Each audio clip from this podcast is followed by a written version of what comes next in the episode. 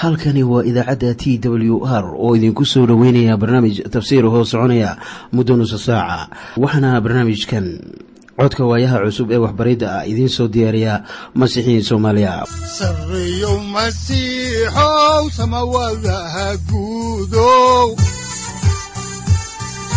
Siraadkii adduunkow subanaha eebow sareyow masiixow samawadaha guudow siraadkii adduunkow subanaha eebow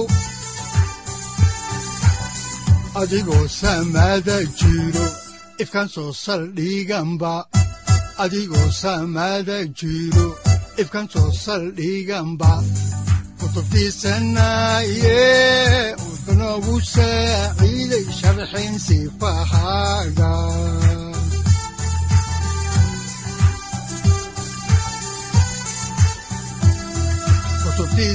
kutubtiisinayow ebanagu saaciid sharxin sifahaaga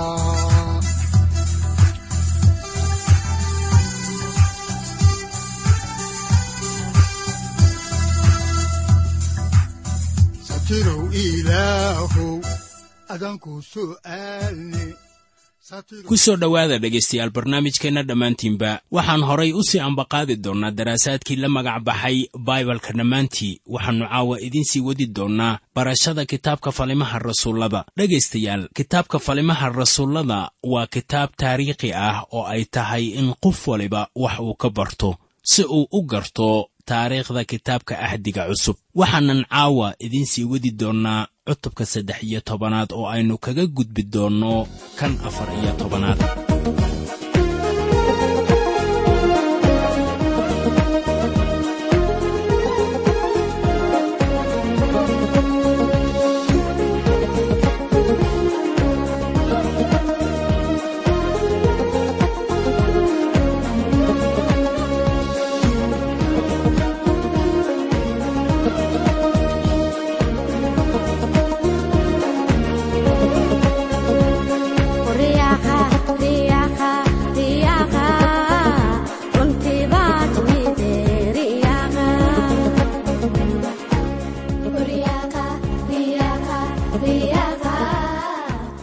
markii noogu dambaysay waxaannu ku guda jirnay khudbadii bawlos uu ka jeedinayey sunagoogta magaalada antiyokh wuxuuna si baahsan kaga warramay taariikhdii reer banu israa'iil iyo cidda ciise masiix uu ahaa iyo weliba waxyiyadii ku saabsanaa ciise masiix qudhiisa. Wuxuuna kaloo u sheegay in kuwii xukumayey ciise ay sidaasi u yeeleen in hadalka ilaah la kaamilo uu ahaa waxyi in kastoo ay garanayeen qorniinka haddana ma ayan fahamsanayn hadalka qoran. Bawlos wuxuu sii balballaariyey xaalkii ku saabsanaa sarakicidda wuxuuna soo xiganayaa wixii simon butros uu sameeyey maalintii bentekost haddaan horay idinku sii wadno xigashada cutubka saddex iyo tobanaad ayaannu eegaynaa aayadaha lix iyo soddon ilaa sagaal iyo soddon. Waxaa qoran sida tan maxaa yeelay nebi daa'uud markuu qarnigiisa ugu shaqeeyey talada ilaah dabadeed ayuu dhintay waana lala xabaalay awowayaashiis wuuna qurmay laakiin kii ilaah oo sara kiciyey ma uu qurmin. Sidaas darteed walaalayaalow arka in ninkan xaggiisa dembidhaafka laydinkaga wacdiyey. Nin kasta oo isaga rumaystana xaq baa lagaga dhigay wax walba oo sharciga nebi muuse uusan xaq idinkaga dhigi karin. Iminka wuxuu sii sharaxayaa tafsiirkiisa oo wuxuu sii tafsiirayaa muhiimadda dhimashada iyo sarakicidda ciise masiix. Wuxuuna caadiyan weyddiisanayaa inay go'aan ka gaarhaan rumaysadka masiixa. Haddaan horay idinku sii wadno ayaa waxaa ku qoran kitaabka falimaha rasuullada cutubka saddex iyo tobanaad aayadaha afartan ilaa kow iyo afartan sida tan. Sidaas darteed iska jira inaanay idinku dhicin wixii nebiyadu ay sheegeen iyagoo leh bal eega kuwiinnan wax quursadow. Yaaba oo luma. Waayo maalmihiinnii waxaan samaynayaa shuqul oo ah shuqul aydnaan rumaysan doonin haddii laydiin sheego. Waxaa inta yaalla codsi uu u gudbinayo iyaga. Wuxuuna ku adkeeyey inaanay diidin masiixa. Aayadaha afartan iyo labo ilaa afar iyo afartan ayaa leh kolkay baxayeen dadkii waxay ka baryeen inay hadalladaasi sabdida dambe kula hadlaan. Haddaba markii sunagoga laga tegey kuwo badan oo yuhuud ah iyo kuwo cibaadaysan oo yuhuudda raacsan ayaa waxay raaceen bawlos iyo barnabas kuwaas oo la hadlayey iyaga oo ku adkeeyey inay nimcada ilaah ku sii wadaan sabtidii dambe ayaa magaaladii oo dhan in yar mooyaane isugu timid inay maqasho ereyga ilaah. Haddaba waxay ahaayeen kuwii aan yuhuudda ahayn kuwii yidhi war bal mar kale inoo sheega qisadaas haddaan horay idinku sii wadno xigashada kitaabka falimaha rasuullada ayaa waxaa qoran cutubka saddex iyo tobanaad aayadda afartan iyo shanaad sida tan. Laakiin yuhuudda markay arkeen dadkii faraha badnaa waxaa iyaga ka buuxsamay masayr wayna beeneeyeen waxyaalihii bawlos uu ku hadlay waana caayeen. Xilligan waxaa meeshaasi ka bilowday buuq weyn waayo hoggaamiyeyaashii diinta ee sunagoogta joogay waxay mucaaradeen bawlos iyo barnabas haddaan horay idinku sii wadno xigashada oo aan eegno kitaabka falimaha rasuullada cutubka saddex iyo tobanaad aayadaha afartan iyo lix ilaa afartan iyo sagaal waxaa qoran sida tan. Haddaba bawlos iyo barnabas ayaa geesinimo ku hadlay iyagoo leh waxay ahayd lagama maarmaan in hadalka ilaah markii hore idinka laydinkula hadlo laakiin idinku waa diiddeen oo waxaad isku xukunteen sidii kuwa aan istaahilin nolosha weligeed ah. Oo bal eega sidaas aawadeed waxaannu u jeesanaynaa dadka aan yuhuudda ahayn. Maxaa yeelay sidaasaa rabbigu uu nagu amray isagoo leh waxaan kaa dhigi doonaa iftiinkii quruumaha inaad badbaadinta u noqotid ilaa meesha dunida ugu fog haddaba markii dadka aan yuhuudda ahayn taas maqleen ayaa ay ku farxeen oo ereygii ilaah ammaaneen oo waxaana rumaystay kuwii nolosha weligeeda loo dhigay. Ereygii rabbigana waxaa lagu faafiyey waddankii oo dhan. Haddaba hannaankii bawlos ayaa halkan lagu arkayaa wuxuuna injiilka ku bilaabayaa inuu ku wacdiyo yuhuudda marka koowaad. Marka xigana wuxuu ku wacdinayaa dadka aan yuhuudda ahayn. Aayadda kontonaad ayaa leh laakiin yuhuuddu waxay soo kiciyeen dumarkii cibaadada iyo sharafta lahaa iyo raggii madaxda magaalada ahaa. Silac bayna bawlos iyo barnabas ku kiciyeen oo soohodintoodii bay ka eryeen iyagii. Haddaba waa la eryey oo waxaa loo sheegay inay ka baxaan magaalada haddaan horay idinku sii wadno xigashada kitaabka oo aan eegno aayadaha kow iyo konton ilaa laba iyo konton ee cutubka saddex iyo tobanaad waxaa qoran sida tan. Laakiin markay siigadii cagahooda ka dhabaandhabeen dabadeed ayay waxay yimaadeen ikoniyon xertiina waxaa ka buuxsamay farxad iyo ruuxa quduuska ah. Waxaad haddaba eegtaa sida xaaladdii kuwii toobad keenay ay noqotay waxaa iyagoo dhan ka wada buuxsamay farxad iyo ruuxa quduuska ah. Iminkana waxaynu soo gaarnay cutubka afar iyo tobanaad ee kitaabka falimaha rasuullada. Cutubka afar iyo tobanaad waxaannu gelaynaa galatiya iyo nawaaxigeeda halkaasoo bawlos iyo barnabas ay kula kulmeen dadkii karaahiyada ahaa ee reer galatiya waxaan qudhayduba rumaysanahay in hadalka lagu wacdiyo dhulka galatiya lagala kulmayo dhibaato wuxuuna ahaa dhul bawlos aannu weligiis horay u arkin. Waxaana u baahannahay inaan marka hore akhrinno waraaqaha rasuul bawlos uu u qorayey reer galatiya markaas oo keliya ayaad si buuxda u garan karaysaan waxa dadkanu ay ahaayeen. Wuxuu u qorayey horma dad ah oo masiixiyiin ah oo jihada ay ka lunsanayd. Waxaana la arkayaa iyagoo mar waliba ooda jebinaya oo ka tegaya wixii la baray. Wuxuu kiniisadahaasi booqday in ka badan kiniisad waliba ee kale oo ka mid ah kiniisadihii uu gacanta ka geystay aasaaskooda. Bal aan idiin soo koobo dhulka galatiya taariikhdiisa kaasoo iminka bawlos iyo barnabas ay u yimaadeen inay hadalka gaarsiiyaan. Haddaba dadka deggan dhulka ama gobolkan waxaa loogu yeeri jiray goolas oo ahaa qabiilka celtika oo ka yimid quruun kale ee degta waddanka faransiiska. Afar qarni ka hor intaannu masiixu dunida ku dhalan ayaa qabiilkaasu wuxuu dagaal ku soo galay dhulkii ay ka talinaysay boqortooyadii reer rooma. Markaasay xaaqeen rooma waxaanay dabeeto u soo gudbeen dhulka giriigta waxayna qabsadeen delfi.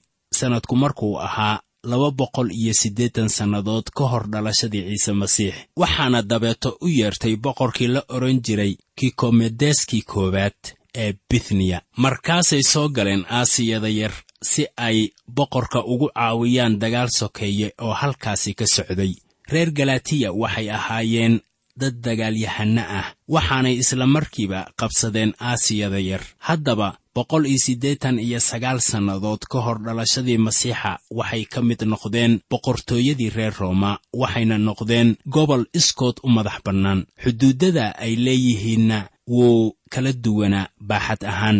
Haddaba sannado badan ayay luqaddooda iyo dhaqankooda ay ku dheganaayeen markaana kiniisaddii bawlos uu u sameeyey safarkiisii ugu horreeyey ayaa waxa ay ka tirsanayd dhulka galatiya magacaas ayuuna bawlos ugu yeerayaa caadiyan kiniisadahaas dadkanu waxay ahaayeen kuwa ku abtirsada qabiilada reer yurub badankood oo dabeecadahoodana waxaa laga helayaa dadka ingiriiska ah iyo reer yurub. Kaysar baa waxaa laga qoray inuu yidhi isagoo tilmaamaya reer galatiya itaaldarridooda inuu yahay iyagoo aan muwaafiqo lahayn jecel isbeddelka. Oo welibana buu yidhi ma ahan kuwo lagu kalsoonaan karo.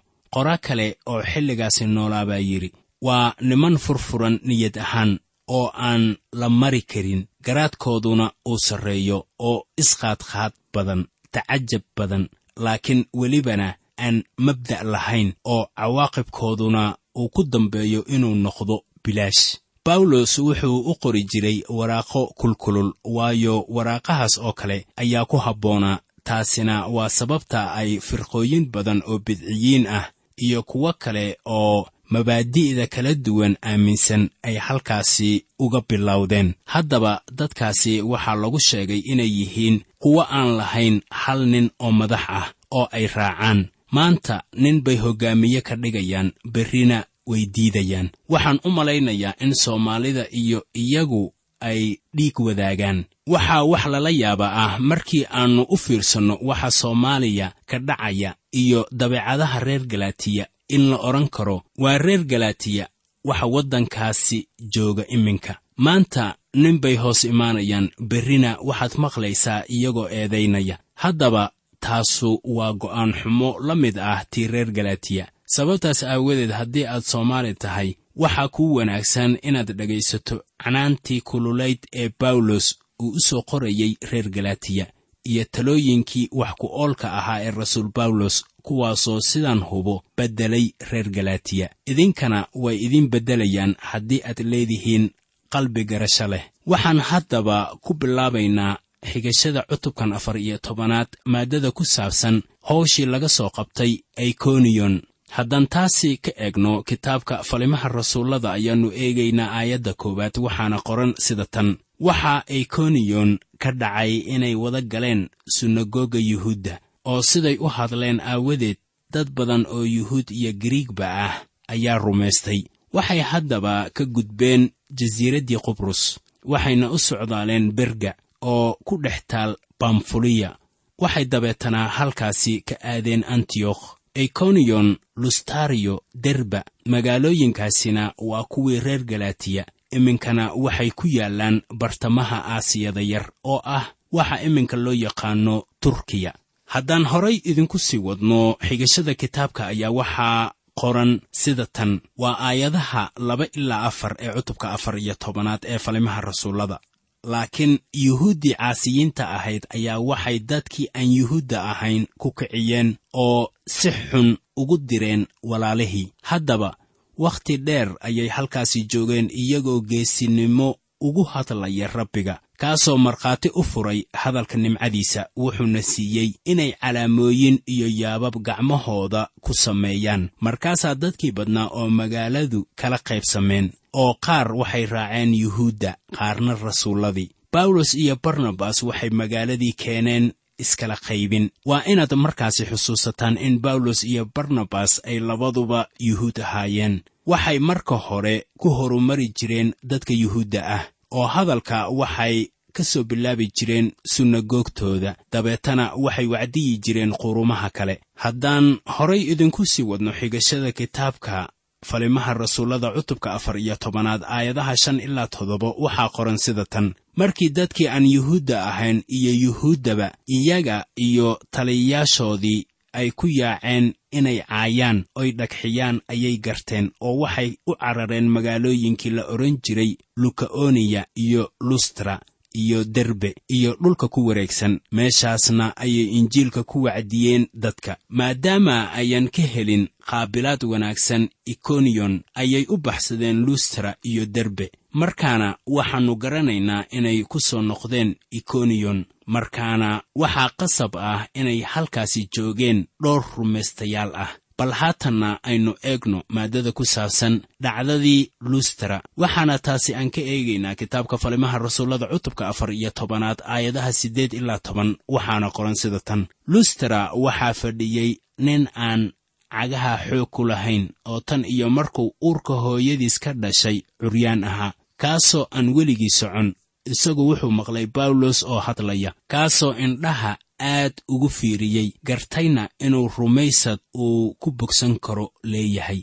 Wuxuuna cod dheer ku yidhi cagahaaga sare isugu taag markaasuu booday oo socday. Sidaan arkayna bawlos iyo barnabas waxay lahaayeen hadiyadda rasuulnimada iyo calaamadaha ama mucjisooyinka waxay halkan yimaadeen iyagoo aan wadanin kitaabkan axdigan cusub ee ay inoogu qoran yihiin farriimaha injiilka. Haddaba maxaa lagu aqoonsan karay rasuullada? Sidee baa loo caddayn karayaa in farriintoodu ilaah ay ka timid? Waxa lagu aqoonsanayo waxa weeye hadiyadaha mucjise samaynta ah ee la siiyey. Haddaba hadiyadahaasi way u baahnaayeen laakiin maanta waxaannu haysannaa baibalka oo dhan iyo talooyinka ku qoran. Haddii dadka ay yeelayaan haddaba dadkii lustra waxay eegayeen bawlos iyo barnabas.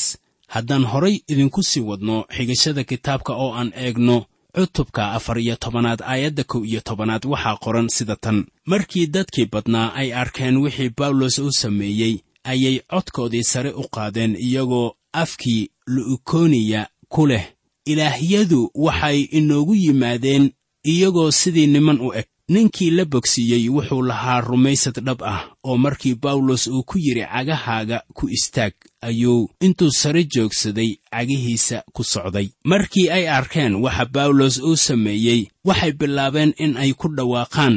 Ilaahyadu waxay noogu yimaadeen iyagoo sidii niman u eg. Waxay haddaba indhaha ku hayeen bawlos iyo barnabas aad bayna ula tacajabeen. Haddaan horay idinku sii wadno xigashada kitaabka falimaha rasuullada ayaannu ka eegaynaa aayadaha laba iyo toban ilaa saddex iyo toban ee cutubka afar iyo tobanaad sida tan. Barnabasna waxay u bixiyeen yubiter bawlosna waxay u bixiyeen merkuriyos maxaa yeelay wuxuu ahaa kii hadalka waday. Markaasaa wadaadkii yubiter oo macbudkiisa ku yiil magaalada horteeda wuxuu irdaha keenay dibiyo iyo ubaxyo isku jaan ah. Wuxuuna doonayey inuu dadkii badnaa la sadaqeeyo. Bawlos wuxuu ahaa hoggaamiyaha kooxdan iyo weliba qofka afhayeenka ah. Dadkuna waxay doonayeen inay iyaga sida ilaahyo oo kale u caabudaan. Waxay isla markiiba la soo ordeen ubaxyo iyo allabaryo waxayna doonayaan inay caabudaan. Miyaadan arkaynin inaanay lahayn mowqif waxaa la mid ah siyaasiyiinta soomaalida oo maalinba meel u orda. Maanta waxaa siyaasaddiisu ay raacsan tahay dawladdaas berrina dawlad kale. Markii aad weyddiiso oo aad ku tidhaahdo war soo adigii dawladdaasi iyada ah aad shalay ka soo hor jeedday wuxuu ku leeyahay waxa kanu waa siyaasad laakiin runtu waxay tahay inaanay lahayn go'aan waara oo dhaxalgal ah ee ay aaminsan yihiin. Waa dad aan mawaaqifo lahayn. Haddaan horay idinku sii wadno xigashada kitaabka oo aan aragno falimaha rasuullada cutubka afar iyo tobanaad aayadaha afar iyo toban ilaa lix iyo toban waxaa qoran sida tan. Laakiin rasuulladii barnabas iyo bawlos ahaa markii ay maqleen ayay dharkoodii jeexjeexeen oo dadkii badnaana ku soo dhex boodeen iyagoo ku dhawaaqaya oo leh niman yahow maxaad waxyaalahan u samaynaysaan. Annagu waxaannu nahay niman idinla dabeecad ah oo waxaannu idiin keenaynaa war wanaagsan.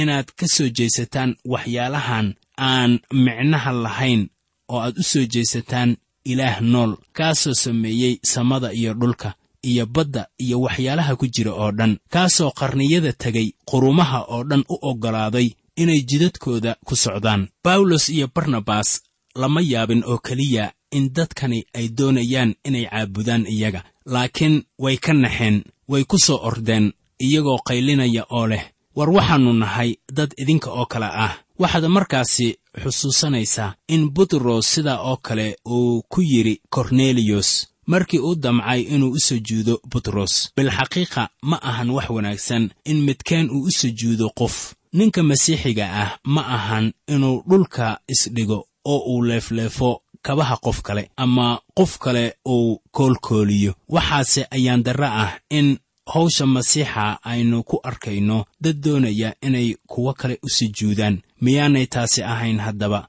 ayaan darro weyn. Haddaan ku soconno kitaabka oo aan eegno kitaabka falimaha rasuullada cutubka afar iyo tobanaad aayadaha toddoba iyo toban ilaa siddeed iyo toban waxaa qoran sida tan. Hase ahaatee isu furla'aan iskama sii dayn laakiin wanaag buu sameeyey oo wuxuu samada idinka siiyey roob iyo xilliyo barwaaqa ah isagoo qalbiyadiinna ka dharjinaya cunto iyo farxad. Markay waxyaalahaas yidhaahdeen ayay dadkii badnaa dhib kaga joojiyeen inay u sadaqeeyaan iyaga. Wuxuu haatan doonayaa bawlos inuu dareenkooda u weeciyo ilaaha nool ee baaqiga ah.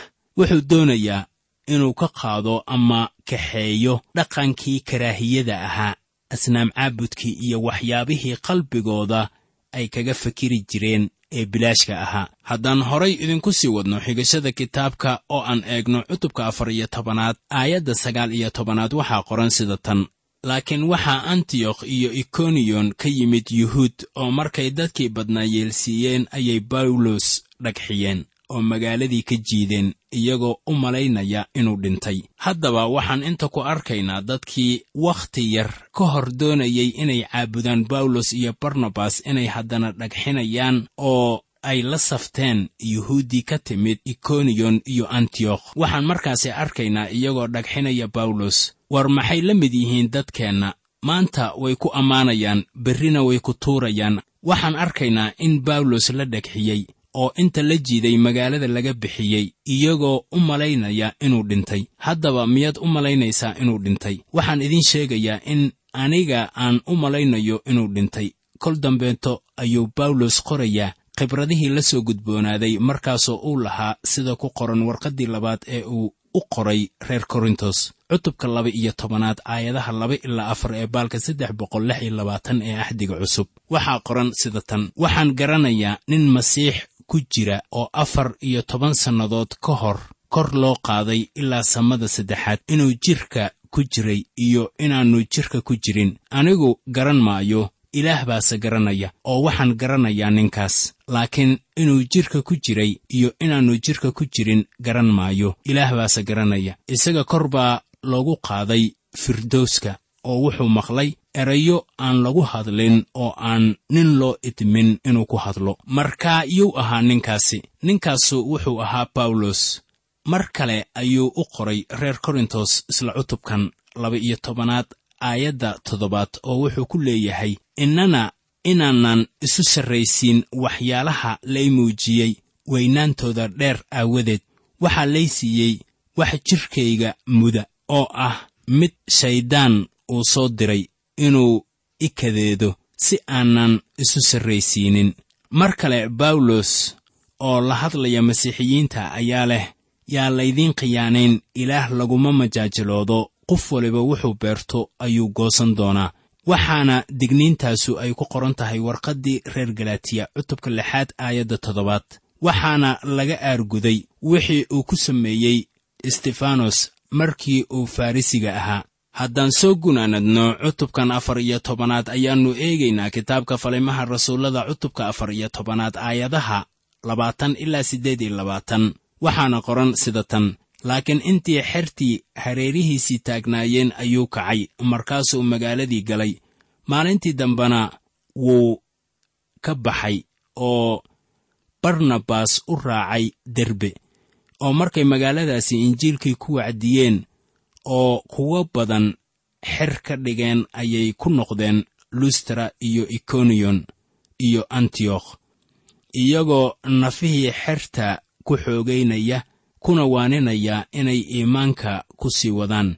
Iyagoo ku leh waa inaynu dhibaatooyin badan ku galnaa boqortooyadii ilaah oo markay iyagii kiniisad waliba waayeello uga dooreen oo ay soon ku tukadeen waxay iyaga ku ammaano geliyeen rabbiga ay rumaysteen. Markaasay sii dhex mareen bisidiya oo ay yimaadeen bamfuliya oo kolkaasay hadalka kaga hadleen berga ayay waxay tageen taaliya. Meeshaasna waxay uga dhoofeen antiyokh taasoo ahayd meeshii iyaga lagaga ammaano geliyey nimcadii ilaah shuqulkii ay sameeyeen aawadiis. Oo markay yimaadeen ay kiniisaddii isu ururiyeen waxay uga warrameen waxyaalihii ilaah iyaga la sameeyey oo dhan iyo siduu albaabka iimaanka ugu furay dadkii aan yuhuudda ahayn. Markaasay wakhti aan yarayn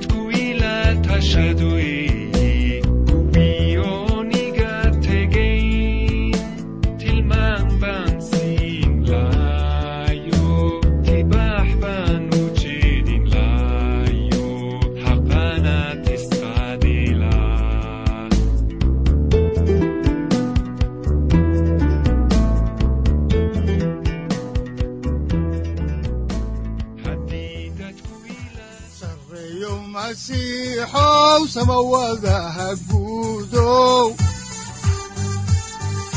siraadkii adduunkow subanaha eebow adigoo samada jiro ifkan soo saldhiganba adigoo samada jiro ifkan soo saldhiganba saaciiday halkani waa t w r idaacadda t w r oo idinku leh ilaa ha idin barakeeyo oo ha idinku anfaco wixii aad caawi ka maqasheen barnaamijka. Waxaa barnaamijkan oo kalea aad ka maqli doontaan habeen dambe.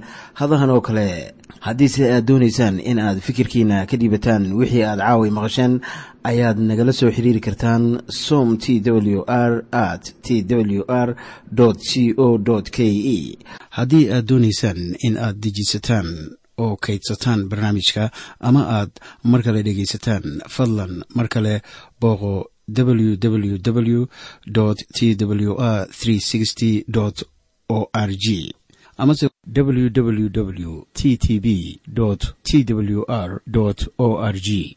Amase waxaad teleefoonkaaga ku kaydsataa ama ku download garaysataa agabyada ku sahli karaa dhegeysiga t w r haddii aad doonayso in laga kaalmeeyo dhinacyada fahamka kitaabka amase aad u baahan tahay duco fadlan fariimahaaga soo mari bogga aaraahda ama kommentska inana jawaab degdeg ah ayaanu ku soo diri doonaa amase ku siin doonaaye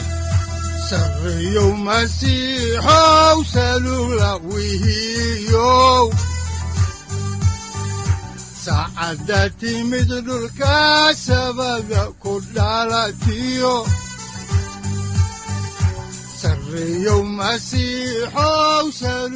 halkani waa t w r oo idiin rajaynaya habeen baraare iyo barwaaqaba leh. Inta aynu ka gaari doono wakhti aynu ku kulanno barnaamij la mida kan caawayay aad maqasheen. Waxa aan idinku leeyahay nabadda ciise masiix ha idinku badato xagga jidhka iyo ruuxaba. Aamiin